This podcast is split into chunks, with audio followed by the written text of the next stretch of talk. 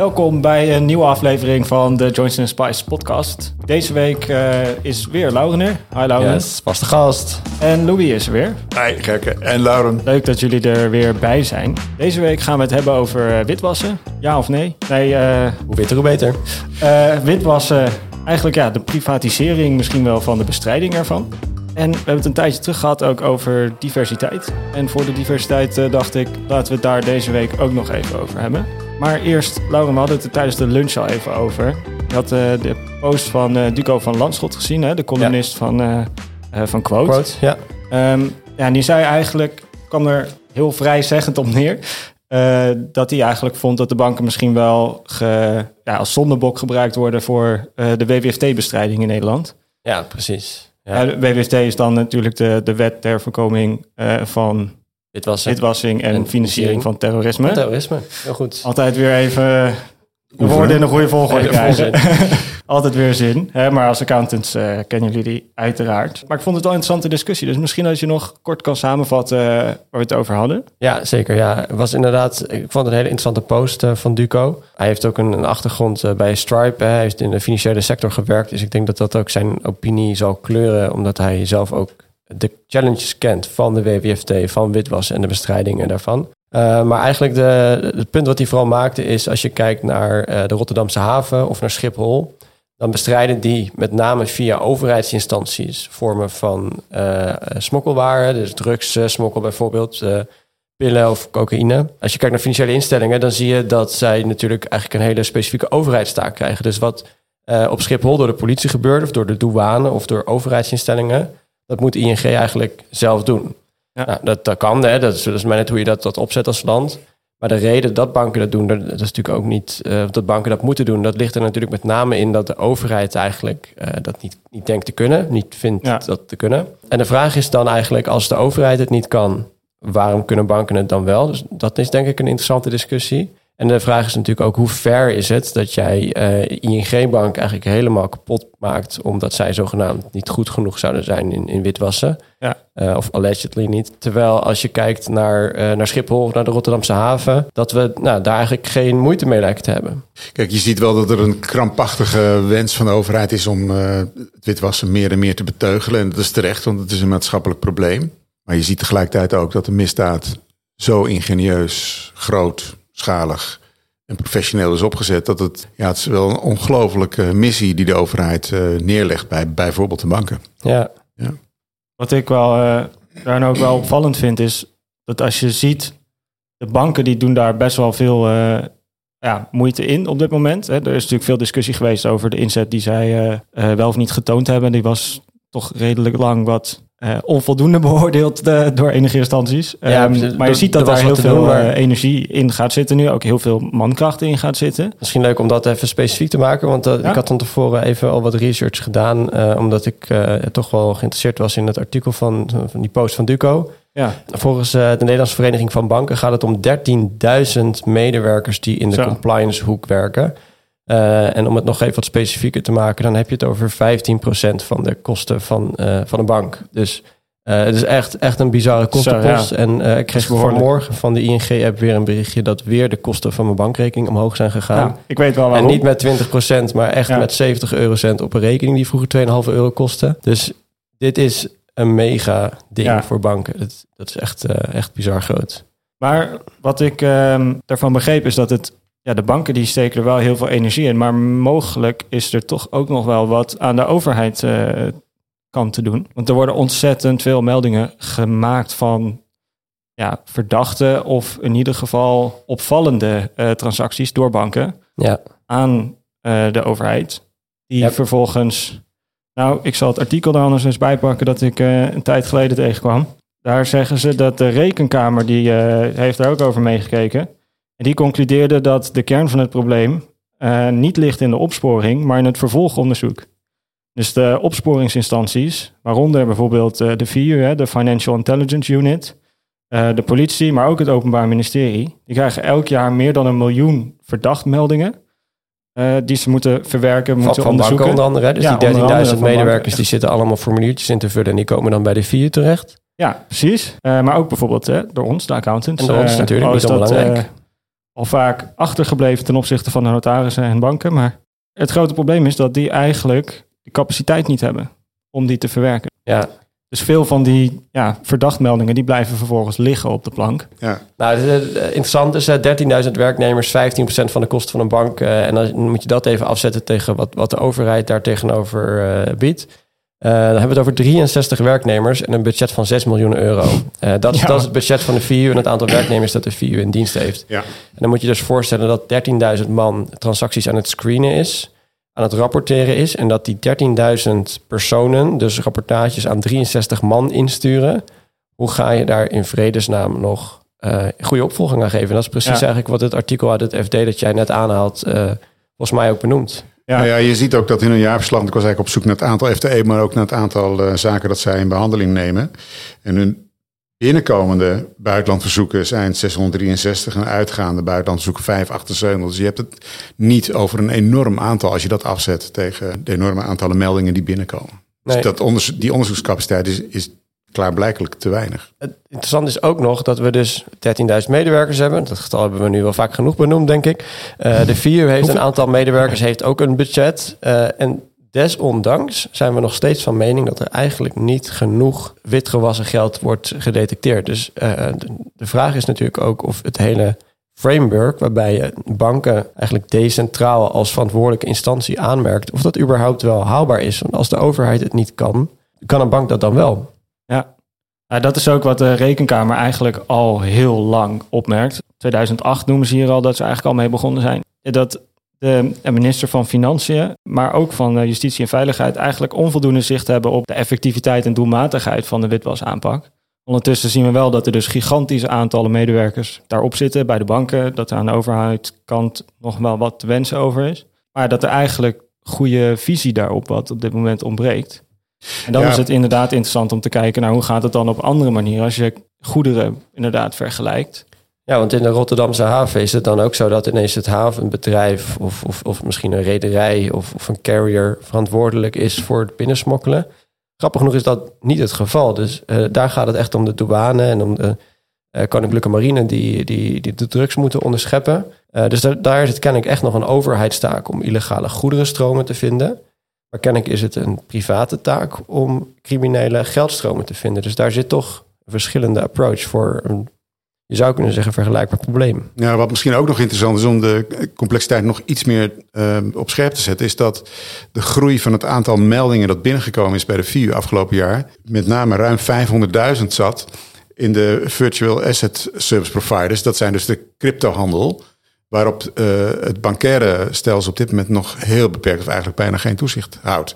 Dus je kunt je ook afvragen of de lijn die ingezet wordt via de banken überhaupt de groei van de ongebruikte transacties die we dan überhaupt identificeren, wel op de korrel kan hebben. Dus daar zit ook nog wel een verzwarend element. Als je natuurlijk meer, meer toezicht gaat houden op meer asset classes, dan krijg je natuurlijk ook meer meldingen. En crypto Ja. is nogal een gevoelige industrie als het gaat om witwas natuurlijk. Dus het is eigenlijk logisch dat zodra je daar toezicht op houdt, dat de meldingen stijgen. Maar dan heb je natuurlijk ook die toezichtsfunctie nodig. Of de, de, de opvolging Ja. van de meldingen.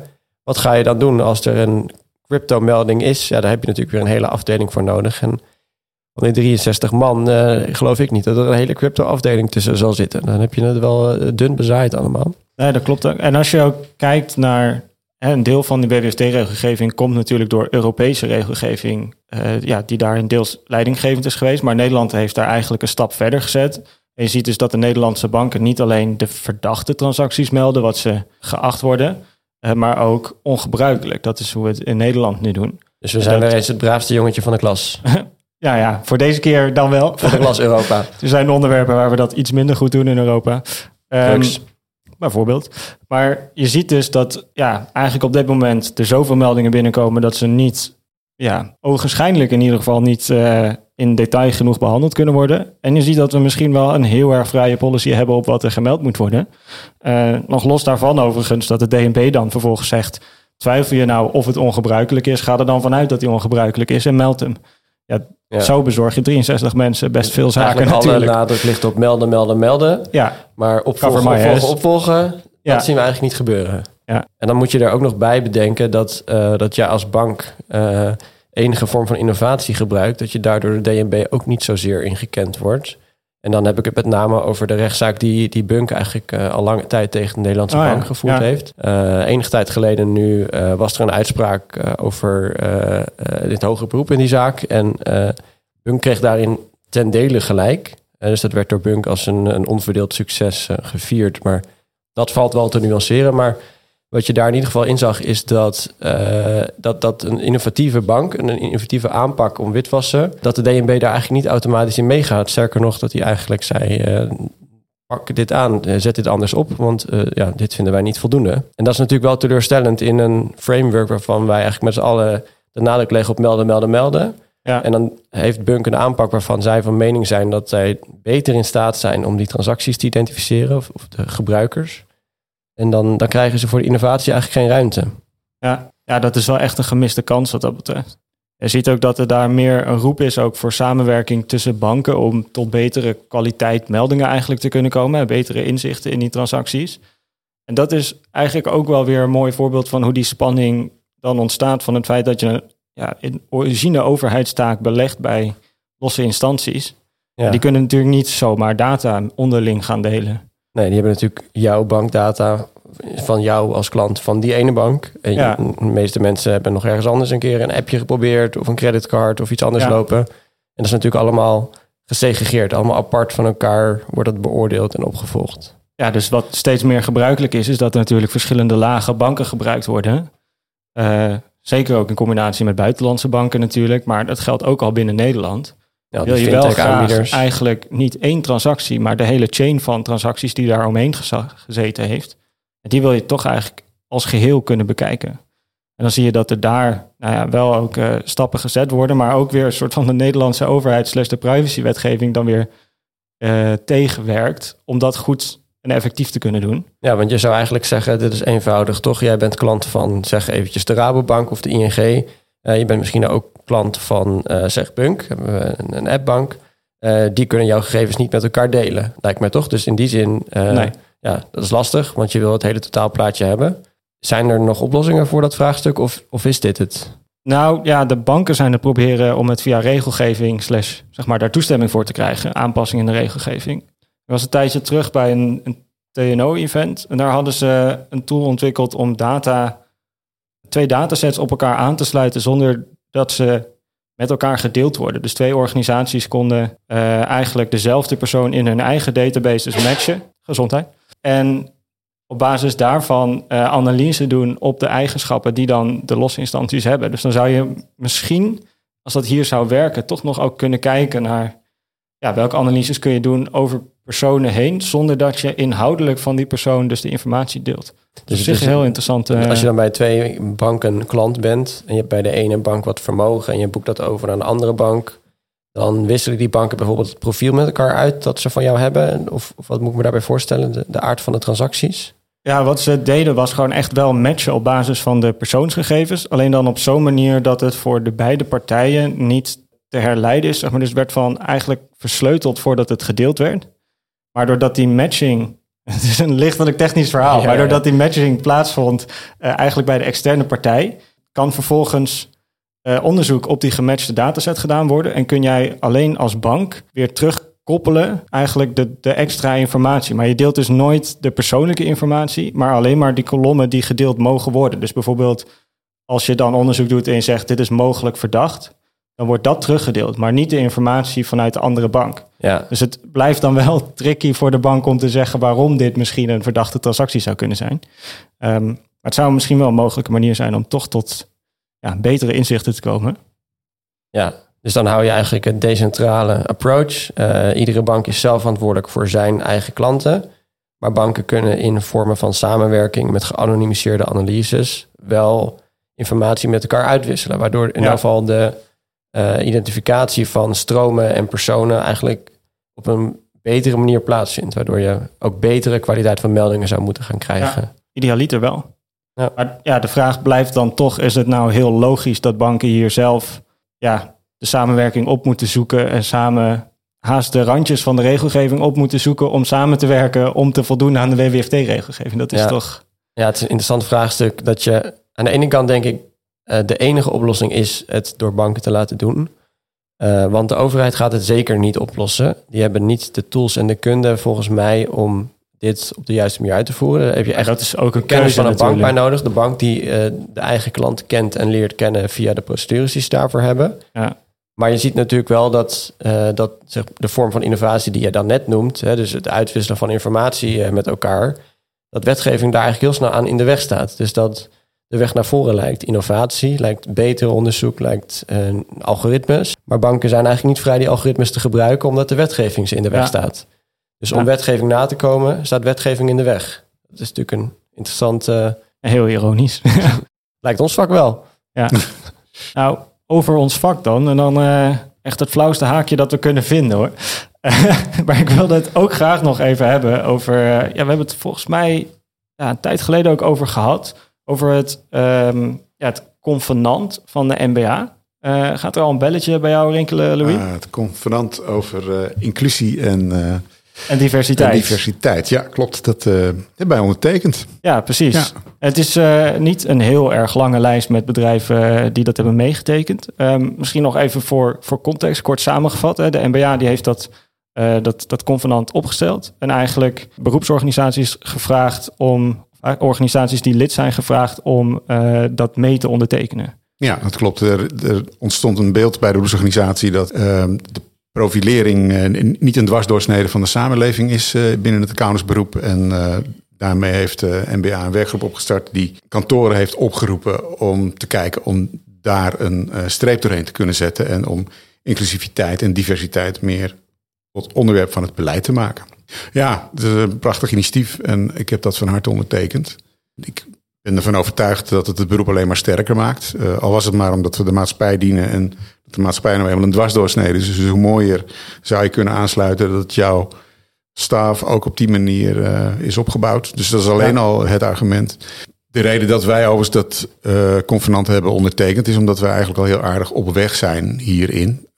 we hebben weliswaar zijn ook wij denk ik wel een beetje een doorsnede van wat er in de markt gebeurt. Maar nou ja, we staan heel erg open voor uh, mensen uit uh, andere samenlevingen. We hebben inmiddels een flink aantal mensen vanuit de EU en zelfs met de achtergrond van niet uit de EU uh, aangetrokken. natuurlijk ook geholpen door de krapte op de arbeidsmarkt. Kijk je daar eerlijker naar, maar je ziet ook dat er uitstekende krachten tussen lopen. Ja. Um, en daar komt bij dat het ja, zeg maar voor ons de reden was om de drempel van de Engelstaligheid uh, te slechten. Dat heeft natuurlijk implicaties voor elke organisatie, ook voor onze. Maar ik denk dat het een goede stap is geweest om uh, daar ook uh, iets in te doen. En voor de rest zou ik het enorm toejuichen om ook te blijven voldoen aan goede vrouw-man verhouding. Die ja. bij ons slaat een heel klein beetje zeggen, door. Hoe, uh, hoe staat die nu? de mannen, maar het gaat vrij aardig. Ja. Ik denk dat het 60-40 is op dit moment. Uh, maar we werken er hard aan. En als ik enigszins de kans krijg, dan uh, vraag ik HR om zoveel mogelijk ook vrouwen te, aan te moedigen om bij ons te komen. Dat betekent ook dat je een andere visie moet ontwikkelen op kinderen die vrouwen uh, krijgen. Daar, daar heb je mee te dealen. Dat is goed, denk ik zelfs. Ik vind dat je die flexibiliteit als organisatie ook op moet bouwen. Dus ook daar zijn we ruimhartig in. Maar ook uh, ja, andere facetten, zoals andere culturen, die we uh, ja, verwelkomen. Ja. ja, top. Wat ik, waar ik aan moest denken, Lau, misschien dat jij het nog wel kan herinneren. We hebben het er op een gegeven moment over gehad. Rond de recruiting heb je best wel veel modellen die je helpen om een selectie te maken uit ja. kandidaten. Ja.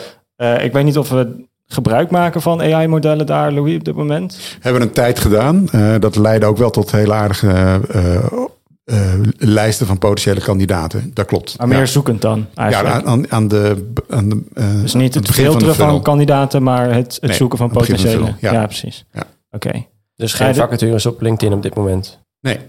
Want daar zit natuurlijk een algoritme achter al. Dus je kijkt naar eigenlijk elk jobboard. Zit er alleen al in welke ja, vacatures ja. uh, een kandidaat ziet op zijn ja, lijst. Zit natuurlijk al een algoritme achter dat, dat meer is dan sorteren op A tot Z, bij wijze van spreken. Ja, nee, klopt helemaal. Maar er was natuurlijk een tijdje terug dat onderzoek over uh, het gebruik van modellen rond uh, HR, eigenlijk rond hiring met name. Ja. En dan dus ja, de selectiemodellen die bedrijven gebruiken, dat die in praktijk toch best wel seksistisch blijken te zijn. Ja, de, kennelijk is uh, geslacht nog steeds een hele belangrijke factor uh, bij het bepalen welke functies mensen voor in aanmerking komen. De titel van dat uh, artikel was zelfs Vrouwen staan met 1-0 achter. en in het artikel stond ook dat vrouwen gemiddeld vacatures aangeboden krijgen die per uur een euro minder uitbetalen. Dus kennelijk zit er nog steeds een duidelijke bias in. Uh, en dat gebeurde niet omdat het vrouwen waren, maar omdat het algoritme, zelfs als het cv's waren waar het geslacht niet op stond, toch kon identificeren dat personen vrouwelijke karaktertrekken hadden. Uh, en kennelijk werkt dat nog steeds in het nadeel van uh, die doelgroep. Ja. ja. ja. Maar dat waren modellen getraind eigenlijk op de praktijk, toch? Zeker, ja. ja dat, uh, dat, dat zijn Daar eigenlijk, zie je eigenlijk het probleem. De uitkomsten van een hiringproces dat mogelijk al jaren zo heeft plaatsgevonden. Alleen nu zien wij met onze data skills, onze kwantitatieve skills, veel beter terug dat discriminatie plaatsvindt. En dat is heel interessant aan deze tijd. En dat zijn we nu echt aan het leren. Dat, uh, dat heel veel algoritmes uh, ogenschijnlijk discrimineren. Maar dat dat eigenlijk vrijwel altijd komt door de data die wij die algoritmes invoeren. Want het is uiteindelijk een rekenkundig proces welke kandidaat waarvoor in aanmerking komt. Uh, en daar zit geen discriminatie in. Het is echt niet dat ze inprogrammeren dat vrouwen slechter behandeld moeten worden. Algoritmes discrimineren niet. Dat, dat zeggen we dan. Al, uh, Precies, het is, het is het verpest eigenlijk. Het is de mens, de factor mens in het algoritme die vaak een heel risico uh, vormt. Uh, niet het enige, maar wel een van de grootste risico's die je in de praktijk ook uh, tegenkomt. Nou, ik vind het leuk dat je juist dat zegt, want de factor mens heeft ook bij de selectie van kandidaten. Een belangrijke factor daarvan is hoe je omgaat met het aantal uur dat je verwacht dat mensen werken. heb ik niet alleen over het overwerken, want dat is natuurlijk een factor van betekenis. Maar ook 40 uur of 32 uur of misschien zelfs 24 uur contracten. Sta je daarvoor open als organisatie of niet? Het blijkt uit een uh, aantal onderzoeken dat vrouwen doorgaans minder geïnteresseerd zijn in fulltime uh, dienstverbanden dan, dan mannen. Um, en ik denk dat dat echt niet alleen te maken heeft. Je, je neigt er dan snel toe te denken: oh, dat heeft natuurlijk met de kinderzorg te maken. Dat is niet meer waar, denk ik. Ik denk dat de maatschappij best aan het veranderen is. Maar je ziet ook wel gewoon dat vrouwen bewuster andere keuzes maken dan mannen. Daar, daar zit een verschil. Uh, dat bleek recent ook weer uit uh, onderzoek van, uh, van Deloitte. Dus het is boeiend wat daar aan het gebeuren is aan de menskant. Dus het is ontzettend goed om de data goed te blijven interpreteren en te begrijpen in de context van, ja, van maatschappelijke ontwikkeling. Ja. ja is echt wederkerig. Wat ik persoonlijk dan wel weer ironisch vind ergens, maar waar ik wel in geloof, is dat de, uh, de aanpak van algoritmes en het beheersen van uh, discriminatie in algoritmes uh, is natuurlijk ook op EU-niveau een aandachtspunt. En een van de maatregelen die je zou moeten nemen, die ook wettelijk zullen worden opgelegd naar verwachting, is human oversight. Dus de grap is dat ja, de mens, de factor mens is de input en is eigenlijk de, de weeffout in het algoritme. En de mens is aan het einde ook weer degene die reguleert dat het algoritme uh, beter wordt. Uh, en de nuance zit maar natuurlijk daarin dat, uh, dat je als mens aan de uitkomsten kan zien dat er discriminatie plaatsvindt. En dat dat je kan leiden tot het tweaken van de parameters van je model. Ja, het UWV die heeft um, in samenwerking met een aantal partijen zijn ze bezig met competent.nl of competent.nl. En dat is een soort model waarbij ze in kaart proberen te te brengen. Welke skills passen er bij welke uh, sector, bij welke echt beroepsgroep en haast nog specifieker bij welk beroep. AA, administratie, uh, assistent administratieconsulent staat er wel in. De registeraccountant niet. Was ik wel benieuwd naar, eerlijk gezegd, helaas. Maar daar hebben ze dus in kaart gebracht welke hard skills en welke soft skills er nodig zijn voor een beroep. En dat deden ze deels met het idee dat als je dan in een beroep zit waar nou ja, mogelijk op dit moment minder baankans is of hogere kans op uh, baanverlies door automatisering bijvoorbeeld. Dat je dan in kaart brengt welke skills zou je bij kunnen leren uh, en welke beroep zou je dan naartoe kunnen gaan. Um, maar je kunt natuurlijk ook vanuit die kant meer benaderen van hoe kunnen we, ja, soft skills, hard skills zijn veel objectiever natuurlijk dan de wat subjectievere, ja, haast gevoelskenmerken van welke universiteit of welke studie iemand gedaan heeft. Je wil toch weten dat iemand iets, iets kan. De studie zelf is niet altijd ja. bepalend. Dat zou misschien ook nog kunnen helpen, omdat, uh, ja. Dus dat je die persoonskenmerken of, of die karaktertrekken of die, uh, die eigenschappen die zij ja. uh, hebben gedefinieerd, dat je die gaat gebruiken om die screening vorm te geven. Ja, precies. In plaats van trainen op historische informatie waar de human bias in zit. Ja. Dus eigenlijk eigenschappen gebruiken en zo eigenlijk een een match maken op basis van eh, ja, competenties eigenlijk. Ja, En, en deels is dat natuurlijk ook, het hangt heel erg van het type skill af, maar veel van die skills zijn ook heel goed testbaar individueel. Ehm, dus dan kun je echt een stap terugnemen van het risico van een sollicitatiegesprek waarbij je iemand aardig begint te vinden of de klik wel of niet voelt, hè, wat super subjectief is, naar dingen die echt ja, een veel eerlijkere indicatie zijn van is dit een goede fit? En daarmee dan misschien toch ja, ook net wat door die uh, diversiteitsvraagstukken kan breken. Dus ik ben benieuwd wanneer ze eraan toevoegen. Nog meer algoritmes om de fouten van algoritme te vervangen. Ja, ja, ja het is wel in ieder geval ja, om ze houvast, zeg maar, om het in kaart te brengen, om het uh, door te hebben. Ja. Het is wel grappig hoe je dit uh, uh, zo schetst vanuit UWV, vanuit de data. ik zit natuurlijk als mens aan de tafel om mensen aan te nemen voor onze organisatie. Ja. Ik ben maar één uit het aantal mensen die, die, die dat beoordelen. Maar wat een van mijn toetscriteria altijd is, is het iemand die ja, zeg maar intrinsieke interesse heeft in het vak en in technologie. Als dat niet zo is, wordt het voor mij erg lastig. Dat geeft eigenlijk precies dit aan. Want dit is dus precies, denk ik, waar je op zou willen kunnen meten. Erg moeilijk om dat uit cv's te halen. Dat moet je echt aan, uh, nu nog, uh, denk ik, uh, aan, aan, tafel en in gesprekken naar boven halen. En dat kun je ook nog via assessments doen. Maar dit is wel iets wat je heel graag op een presenteerblaadje zou willen, denk ik. Maar goed, dat zouden we allemaal willen. dat zouden we allemaal willen, ja. Daar, daar gaan we dan maar mee eindigen deze keer wat we deze week graag willen. Um, ik wil jullie graag bedanken voor jullie deelname weer deze keer. Ik hoop jullie weer uh, ja, binnenkort weer terug te zien. Ja, zeker. En uh, bedankt voor het luisteren. En tot de volgende keer. Tot de volgende, tot de volgende keer. Bye.